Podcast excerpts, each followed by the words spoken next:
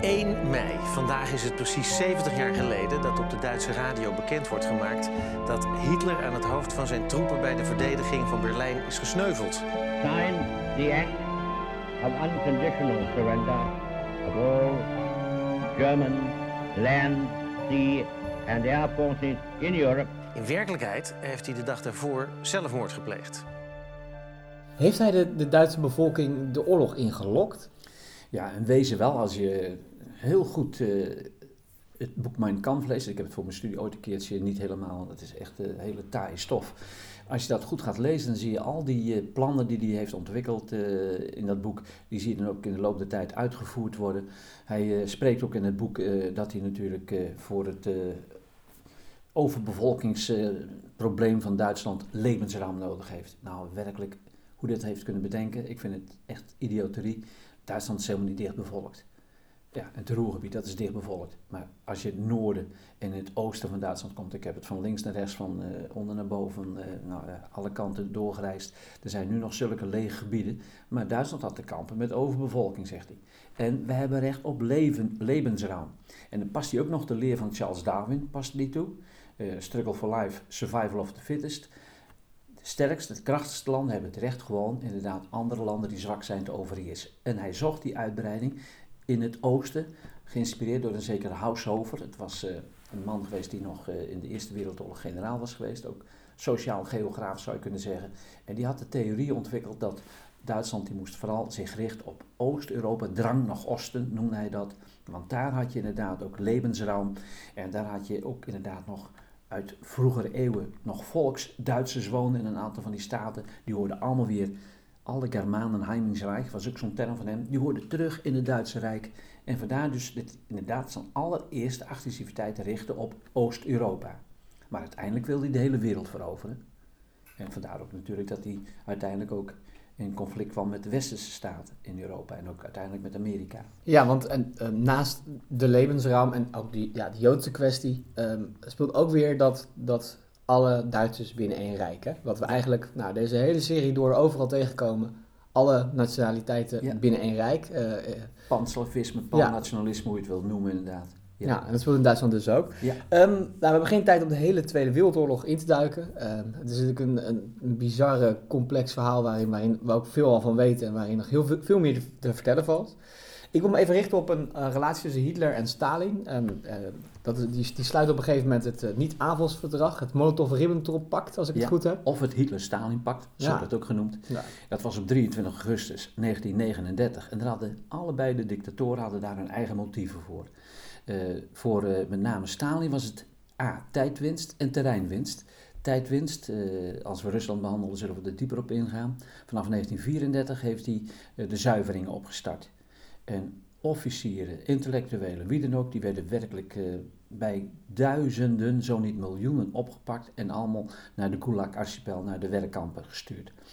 Heel veel militairen ook. En hij zag wel in dat als er een oorlog was, had hij toch wel een, eh, een goed leger nodig met goed eh, getraind, opgeleide officieren. En daar moesten dus een no time werk van maken, want er waren er heel veel weggezuiverd.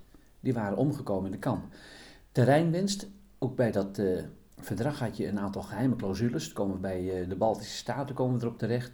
Eh, in het diepste geheim is toen een verdeling gemaakt tussen Hitler en Stalin van eh, Stalin, jij mag de Baltische Staten en Finland je toe-eigenen, een deel van Roemenië, Moldavië, maar Hitler zei ik wil het westen van Polen hebben. Dat is eigenlijk altijd al Duits gebied geweest, tot aan Warschau toe, dat is ons gebied. En zo is dat inderdaad voor Hitler dus ook terreinwinst dat het front opschoof richting Oost-Europa. En dat hij inderdaad al die volksduitsers weer binnen het Rijk had. Dat zijn de redenen geweest waarom die eh, eh, beslissing is genomen om dat verdrag te sluiten. En dat deed inderdaad eh, de minister van Buitenlandse Zaken van Duitsland, von Ribbentrop, en Molotov, waar later ook de Molotov-cocktail naar genoemd is, ten tijd denk ik van de Hongaarse opstand. Molotov namens Rusland hebben toen dat verdrag ondertekend. Maar wisten de twee, het was een verstandshuwelijk, wisten ze van elkaar, dit kan altijd op worden gezegd? Ja, ik denk dat met name ook eh, Hitler dat eh, heel sterk in zijn achterhoofd had. Van Stalin ben ik er minder zeker van. Eh, ik ben een fan van Solzhenitsyn. Die heeft prachtige boeken. Ik heb ze allemaal, met name ook de Gulag-archipel over die strafkampen in Siberië, die werkkampen. En die heeft gezegd, Stalin die wantrouwde iedereen en vertrouwde eigenlijk alleen maar Hitler. Want hij was totaal overrompeld, uh, Stalin, toen op 22 juli 1941 totaal onverhoeds opeens Duitsland de Sovjet-Unie aanviel. Hij was gewoon zo in de war dat hij een dag of drie, vier helemaal van het toneel was verdwenen. Men wist niet eens in, uh, in Moskou, in Rusland, waar Stalin was. Zo in de war door die aanval van de Duitsers op Rusland, terwijl dat in dat niet-aanvalsverdrag stond opgetekend dat het niet zou gebeuren.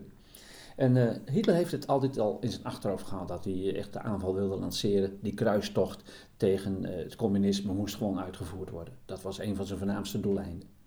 Als er nou één iemand op de wereld is die ik niet zou vertrouwen, dan zou Adolf Hitler er toch wel redelijk in aanmerking voor komen. uh, en Stalin zelf wellicht ook wel. Ja. Wa waarom? Misschien, ja, misschien heel, heel erg koffiedik kijken. Maar waarom vertrouwde Stalin Hitler? Leken ze op elkaar? Nou, nou, er zijn inderdaad, ik mag ook wel eens een keer lezingen houden over en Hitler en ook over Stalin. Er zijn opmerkelijk veel parallellen te trekken tussen inderdaad deze beide mannen. En er is een historische strijd geweest in, uh, in Duitsland. Uh, heeft inderdaad uh, Hitler, heeft hij eigenlijk eerst gekeken naar wat er al gebeurde in de Sovjet-Unie. Met al die werkkampen, met al die strafkampen enzovoort, met alles wat er gebeurde, hoe Stalin dus zijn tegenstanders wist uit te schakelen. En daar kreeg je een hele, kreeg je een hele verre discussiestrijd tussen hele bekende uh, historici kreeg je erover van uh, waar is het eigenlijk begonnen, al die verschrikkingen van het uh, vermoorden van mensen op hele grote schaal. Is dat nou eigenlijk de grondlegger Stalin of is het toch Hitler geweest? Dus wat dat betreft ja, is die vraag best terecht te stellen. Maar ja, wie kan daar het uiteindelijke juiste antwoord op geven? Ik, ik, weet het niet. Maar ik vind allebei verschrikkelijke, verderfelijke ja, vergeef me het woord monsters. Ja, met ze hebben allebei eh, enorm veel bloed aan hun handen ja. gekleefd hebben.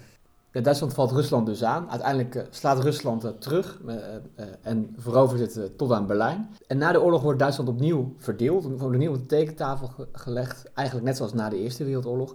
En nu wordt het verdeeld hè, in vier zones. Hoe, hoe, hoe zit dat precies? Ja, uh, je hebt in de Tweede Wereldoorlog heb je meerdere geallieerde conferenties gehad. Een van de meest bekende is van 4 tot en met 11 februari 1945 in Jalta geweest, Krim. Nu weer zo'n betwist gebied hè, en dagelijks in het nieuws, nu ook weer. En uh, daar kwamen de grote leiders bij elkaar. Stalin, Roosevelt, die toen echt al op zijn laatste benen liep. Hij was toen al dodelijk ziek. Kort daarop is hij ook op, ik meen 14 april 45 overleden. En Churchill. En daar hebben ze in het grootste geheim, hebben ze daar op Jalta een soort ja, verdeling gemaakt van Europa. Het grootste probleem was, wat gaan we met Duitsland doen? En daar hebben ze inderdaad over zitten dubben. En toen kwamen ze eruit dat Duitsland verdeeld moest worden in een aantal zones. En toen heeft heel opmerkelijk, je zou zeggen, dan wordt Duitsland verdeeld in drie zones.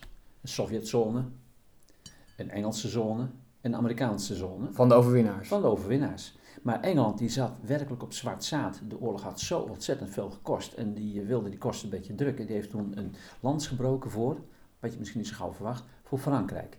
En Frankrijk, de Gaulle, die wilde natuurlijk ook weer graag meedoen op het uh, wereldtoneel. En die kreeg toen ook nog een Franse zone. Want eigenlijk waren de Fransen gewoon compleet verslagen, toch? Ja, in de Tweede Wereldoorlog. Ja. ja. Um, en en, en uh, die zones, dat was eigenlijk vooral bekend geworden als Oost en West. Uh, ja. Met, met, met, met de, uh, het ijzeren gordijn ertussen. Term van Churchill. Er is een ijzeren gordijn neergelaten van de Baltische Zee tot aan de Adriatische Zee. En eigenlijk suggereert dat we weten niet meer een gordijn. Als je het dicht trekt, dan weet je niet wat erachter gebeurt. Dat uh, suggereert hij ermee. Ja, en Oost en West groeiden ook heel, heel erg uit elkaar, hè? Um, uh. Ja, binnen de kortste keer hadden met name ook uh, de drie westelijke zones, die hadden hele goede contacten. En je kon al op het eind van de Tweede Wereldoorlog kon je al die scheiding zien aankomen. Dat uh, men, er was een race op een gegeven moment ook uh, op het eind van de oorlog 44, 45, wie als eerst in Berlijn zou zijn, de Russen of de westelijke geallieerden. En je zag al, het is een tijdelijk bondgenootschap, dat gaat uit elkaar vallen. Kapitalisten en communisten, dat bijt elkaar. En uh, uiteindelijk hebben dus de westelijke zones hebben al heel snel gezegd, we gaan onze drie zones samenvoegen. Dat wordt gewoon één groot, ja, misschien wel een sterk land, een nieuw land. En dat werd inderdaad gedaan in 48, 49. Dat is de Bundesrepubliek Duitsland geworden. En, als, en daar werd meteen ook een nieuwe munt ingevoerd, de D-mark. En dat is voor de Sovjet-besatzungszone, voor de Rus is dat de, het teken geweest om toch ook een eigen staat uit te roepen. Dat is gebeurd op 7 oktober 1949. Toen werd dat de DDR, de Duitse Democratische Republiek. En dan krijg je dus die tweedeling, Oost-Duitsland, West-Duitsland de stad Berlijn ook nog eens een keertje verdeeld in een Oost-Berlijn en een West-Berlijn. Waar dan inderdaad eerst het IJzeren Gordijn liep. Maar het enige lek in het hele IJzeren Gordijn, dat was Berlijn. Want? Daar konden nog mensen in die periode van 1949, toen dus de DDR werd gesticht, met Walter Ulbricht en later had je dan Honecker. Daar konden nog mensen die het niet naar hun zin hadden in de Oostzone, in de DDR, die konden gewoon heel makkelijk met de tram en met de trein konden ze nog gewoon vrij reizen, weet bijna niemand, van Oost-Berlijn naar West-Berlijn. Maar dan konden ze met het vliegtuig konden ze weer die 150 kilometer overbruggen naar de BRD en konden zo ontsnappen. In die periode van 1949 tot 1961, op 13 augustus, is de muur eh, gebouwd. In de grootste geniep door Khrushchev en de zijnen. Toen konden nog in die periode bijna anderhalf miljoen mensen, dat werd wel eens een keertje de brain drain genoemd, intellectuelen, artsen, hoogopgeleiden, konden toen dus vluchten naar West-Duitsland. En dat kon, het Gordijn was er al, met de bouw van de muur kon het niet meer. Je zegt de, bouw van het grootste geheim werd door Khrushchev de, de, de buur gebouwd. Ja, en één nacht stond hij dus wat. Het was echt in het geniep was dat allemaal bereid, want ze ergden zich er mateloos aan dat die hoogopgeleiden op de universiteit in Oost-Duitsland en die dan inderdaad ook eh, de economie natuurlijk moesten bemensen, dat die verdwenen. Hoogopgeleide artsen enzovoort, die vonden een veel beter employ, konden veel meer geld verdienen natuurlijk, ook in de BRD. Die verdwenen allemaal. Dat was hem een doorn in het oog. In het grootste geniep heeft hij met Walter Ulbricht toen dat plan bedacht om werkelijk in één nacht, eigenlijk heel snel werd het gestapeld, werd die muur toen gebouwd. Met foto's erbij van die uh, polities die dan uh, vluchtpoging moesten belemmeren.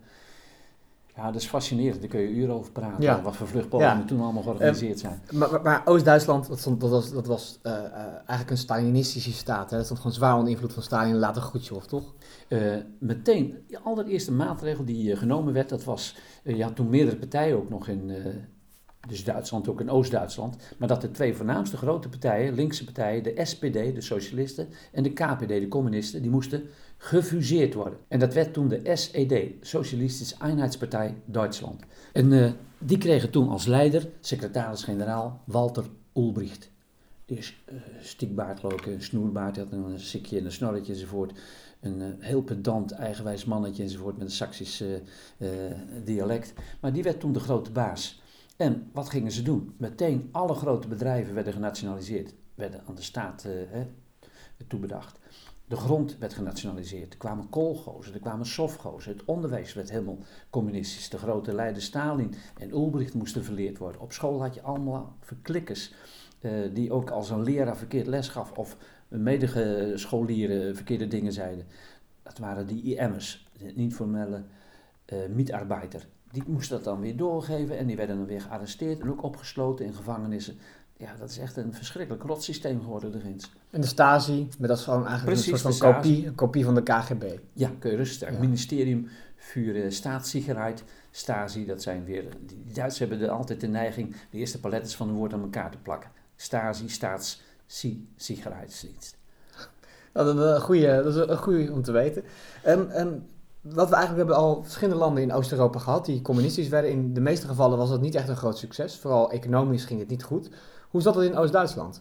Nou, Oost-Duitsland werd gewoon door de Russen leeggeroofd. Alles wat van waarde was, fabrieken en alles, machines werden werkelijk daar weggesleept en uh, overgeplant uh, in, uh, in Rusland. Ze moesten ook enorm veel geld betalen, ook de Oost-Duitsers. Uh, ze moesten helemaal aan de leiband lopen van Moskou. Dus dat was echt een verarmd land. En dan nog eens een keertje voor een, uh, ja, een heel klein loontje moesten ze werken. En uh, de meesten waren totaal niet gemotiveerd. Dat betekent natuurlijk echt kommer en kwel. De mensen waren niet ja, geneigd om zo 1, 2, 3 toe te geven. Later natuurlijk, als je daar tientallen jaren onder het communistische systeem zit, dan weet je niet beter. Maar in het begin ging het allemaal heel erg moeizaam. En het heeft uh, echt een koude start opgeleverd voor de DDR met heel veel economische problemen. Dat project, laat het maar een project noemen, duurde ongeveer uh, 40 jaar. Um, dan wordt de muur afgebroken. Hoe ging dat? dat? Kon dat zomaar uit de lucht vallen? Nee, dat is uh, ja, ook heel boeiend. Uh, er heeft met name ook uh, één man heeft daar, uh, ja twee eigenlijk zou je moeten zeggen, voor gezorgd. Dat zijn Reagan en Gorbachev geweest. Toen Gorbachev aan de macht kwam in 1985, ik was toen net op dat moment in Moskou, vergeet het nooit meer, met een studiereis. dat was heel boeiend. Die Gorbachev had al heel gauw in de gaten dat hij echt de Koude Oorlog niet kon winnen. En hij merkte gewoon de onvrede, ook in Rusland. Ik heb hem met eigen ogen gezien. Ik liep een keer in Moskou. Er stond er echt een honderd meters lange rij voor een winkel. En er was er gelukkig eentje die wat Engels sprak. Zei, waar sta je hier voor in de rij? Voor dameschoenen. Ik zei, maar wat moet jij met dameschoenen? Dan zegt hij, eh, dat is ruilwaarde. Er waren bijna geen eh, consumptieartikelen in de winkels. Alles werd, eh, het geld werd gestoken in de zware in de oorlogsindustrie. En hij merkte die onvrede en die wilde gewoon minder geld, Gorbachev, in de defensie steken en meer geld in de consumptieindustrie. Om de mensen tevreden te stellen. En aan de andere kant had je net sinds 1980 had je Reagan dus bij de presidentsverkiezingen de macht gekregen. En die had al heel snel voor een, uh, ik meen dat hij dat na ongeveer een goed jaar dat hij aan de macht was, heeft hij voor een hele groep evangelicalen, heeft hij daar een hele befaamde reden gehouden dat hij de Sovjet-Unie, dat was de Evil Empire, het rijk van het kwaad. En hij wilde ontiegelijk veel geld steken in defensie, Star Wars, SDI, misschien wel eens van gehoord, hè, dat ruimteschild. En wij gaan echt de Russen verslaan in de Koude Oorlog. Die wil ik winnen. En heeft er toen heel veel geld ingestoken. De meeste plannen voor dat uh, ruimteschild die zijn gewoon op de tekentafel blijven liggen. Maar Gorbachev in de gaten dat hij nooit die Koude Oorlog kon winnen. En die wilde toen gaan onderhandelen. En tussen die twee klikte het geweldig goed tussen Gorbachev en tussen Reagan. Die hebben elkaar meerdere keren ontmoet, ook op IJsland. En nu komt het. Gorbachev heeft meerdere uh, bezoeken gebracht aan andere landen, maar ook Reagan. En die bracht in juni 1987 een bezoek aan Berlijn. In de voetsporen van ooit Kennedy. Kennedy. En haast op dezelfde plaats heeft hij toen een reden gehouden en de meest bekende zin van Reagan is toen geworden. En hij richtte zich vlak bij de Brandenburger bij de Rijksdag, hè, tot uh, de, de, mensen.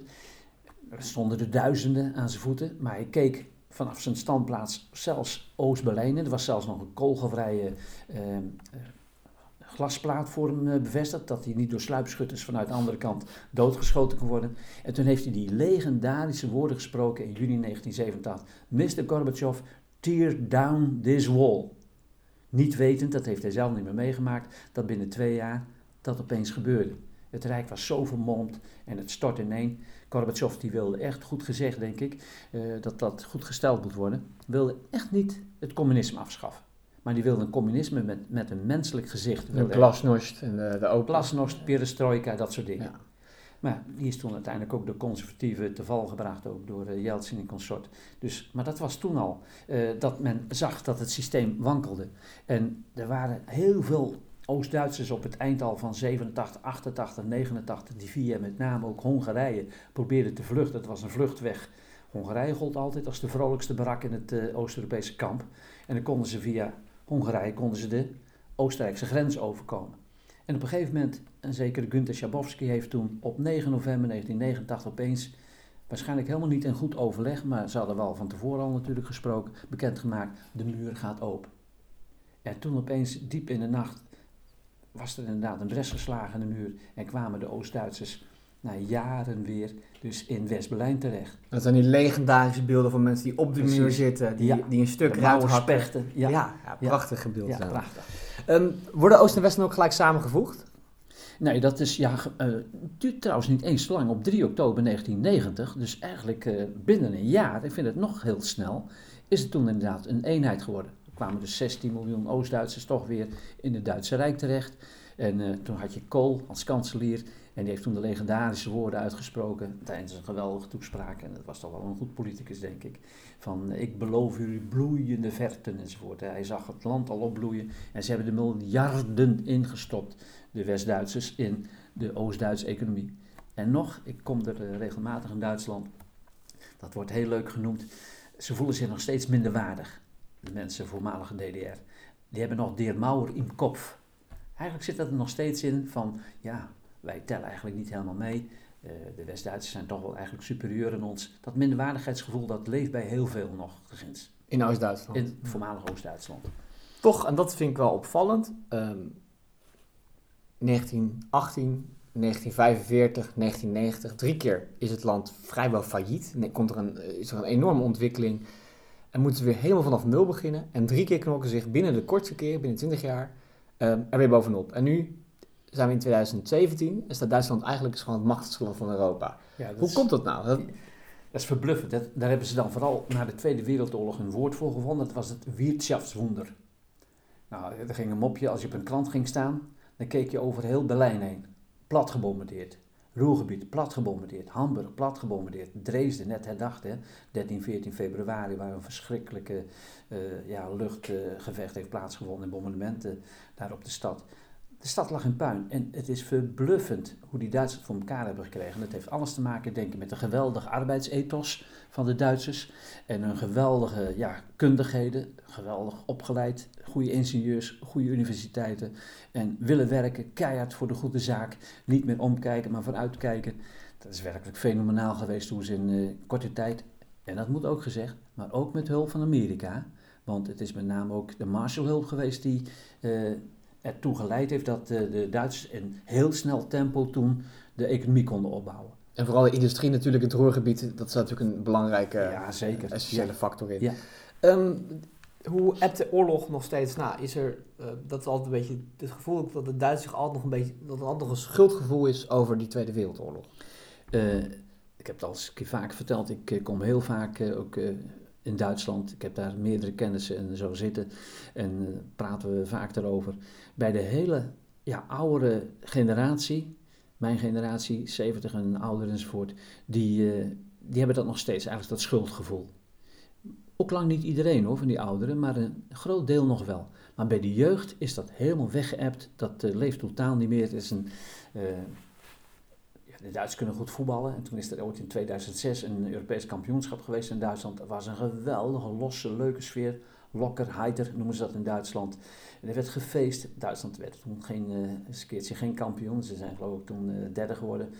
Italië heeft toen gewonnen. Maar er is een film van gemaakt. Uh, je hebt een hele beroemde dichter, Heinre, die heeft ooit een machtig mooi bundel geschreven naar een reis in de harts, uh, een winterreizen, een, een wintermärchen. En dat is toen omgezet naar de huidige tijd 2006. Dat was een zomermärchen, dat het een soort sprookje was in Duitsland, dat ze zo los, zo feestelijk waren en totaal niet gebukt gingen onder de herinneringen meer van een Eerste of een Tweede Wereldoorlog. Dat hebben ze van zich afgeworpen en daar zijn ze gelukkig want je mag die uh, naoorlogse generatie daar denk ik niet meer mee vermoeien. Dat ze elke keer mee geconfronteerd worden van wat hebben jullie gedaan. Daar hebben zij niks mee, uh, mee te maken, vind ik. En daar moeten ze los van kunnen leven. En tijdens het WK was de slogan toch wel, uh, het is tijd om vrienden te maken, kan ik me nog herinneren. Ja, dus het, wel, het valt ja. nog een beetje mee. En toch zie je nu in deze tijd, zie je ook wel weer dat hè, uh, Pegida en heel veel, en wil ik niet gelijk die, dat verband trekken. Ja, maar de AFD in Duitsland, ja, Alliantie voor Democratie. Precies, en ik heb altijd het gevoel gehad dat Duitsland daar heel voorzichtig in geweest is. En dat, dat voorzichtige is nu al een beetje weg, hè? Ja, dat, uh, je ziet ook, en dat is ook weer die uh, verschil uh, van mening ook weer tussen voormalige Oost-Duitsers en West-Duitsers. Dat met name die neo-nazi-mentaliteit, die zie je heel verrassend genoeg ook wel in West-Duitsland, voormalige West-Duitsland kop steekt, maar vooral in het oosten nog een keer, ze voelen zich achtergesteld en toch misschien weer meer werkloosheid nog uh, verhoudingsgewijs. Daar heb ik de cijfers niet goed van dan in het Westen. En daar hebben ze een goede voedingsbodem. En met name ook zich afzetten natuurlijk wat een Wilders hier doet en wat een Trump in Amerika doet tegen al die nieuwkomers die hun banen bedreigen. Die globaliseren en kunnen ze niet meer uit de voeten. Dat merk je ook heel sterk bij uh, dat soort partijen, dat ze toch wel een goede voedingsbodem krijgen. Om dat nationalisme weer eigenlijk aan te wakkeren en weer te zorgen dat Duitsland voor de Duitsers is en niet voor de buitenlanders. Bedankt voor deze uitleg over Duitsland. Uh, ja, dat is een immens, immens land natuurlijk. Volgende keer dan, uh, volgende aflevering gaat over Estland. Um, dat is een stuk kleiner. En dan ja. gaan we naar de Baltische Staten. Tot dan.